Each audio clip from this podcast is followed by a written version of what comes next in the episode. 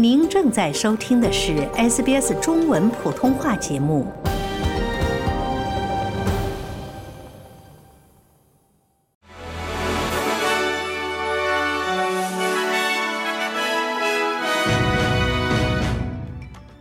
听众朋友们，下午好，我是 SBS 记者秋实。今天是二零二四年一月十二日，周五。本期 SBS 新闻快报的主要内容包括：台湾总统大选将于明天举行。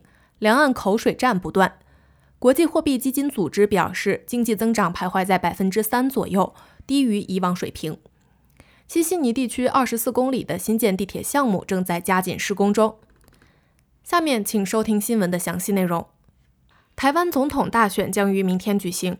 中国周四警告称，台湾执政党民进党总统候选人赖清德如果获胜，将对和平构成威胁。中国虽然没有公开点名让北京心仪的候选人，但却将这一次大选描述为战争与和平之间的选择。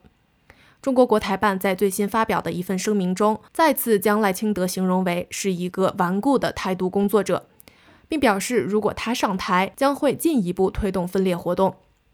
台湾外交部回应谴责中国再次公然恐吓台湾民众和国际社会，借选意图昭然若揭。周四。国民党总统候选人侯友谊在记者会上表示，如果赖清德当选，那么他的台独主张是一个引战的主张。赖清德在周四晚间的集会中表示，台湾已经是民主和自由的堡垒，人民应该选择正确的人和正确的民主道路。稍早，赖清德在一场记者会上表示，如果当选，他将维持台海现状，愿在平等与尊重的前提下与北京进行对话。在华盛顿，拜登政府一名不愿意透露姓名的官员于一月十日表示，美国反对任何外部干预或影响台湾即将举行的总统和立法院选举。无论谁当选，美国对台湾的政策都将保持不变。他说，华盛顿在台湾选举中不偏袒任何一方，也没有偏好和属意的首选候选人。国际货币基金组织表示。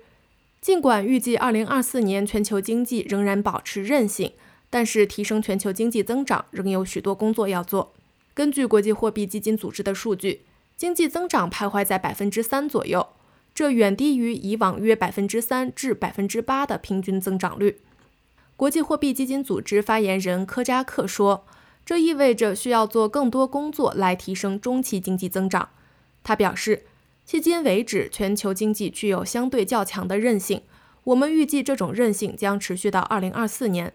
与此同时，通货膨胀率正在下降，劳动力市场依然保持弹性。当然，这并不全是好消息，因为这种韧性与去年和中期预期都徘徊在百分之三左右的增长率相比，要比以往约为百分之三点八的全球平均增长率低得多。科扎克还说。在以色列和加沙冲突持续不断的情况下，国际货币基金组织正在与埃及官员讨论经济改革问题。他说，未来几周将继续进行讨论，以落实关键政策的优先事项。西悉尼地区二十四公里的地铁新建项目正在加紧施工中，两台挖掘机将于未来几周内重新启动。五码头地铁站和保活北之间的地铁线路将被打通。数百预先被挖好的隧道段已在海湾区地铁站待命，挖掘机将通过这些隧道段，在悉尼内西区深达九十米的地下进行挖掘工作。新南威尔士州州长科明斯表示，施工结束后，预计每天将会有七千人在高峰时段使用该地铁站上下班。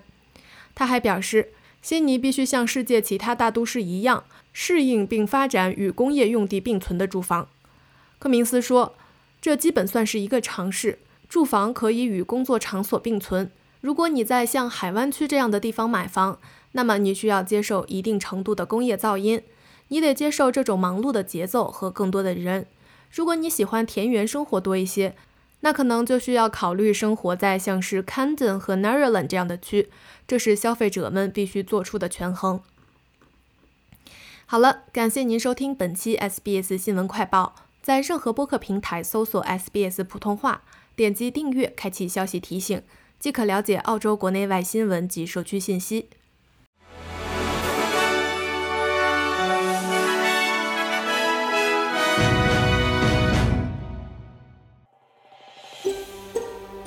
想听到更多这样的故事吗？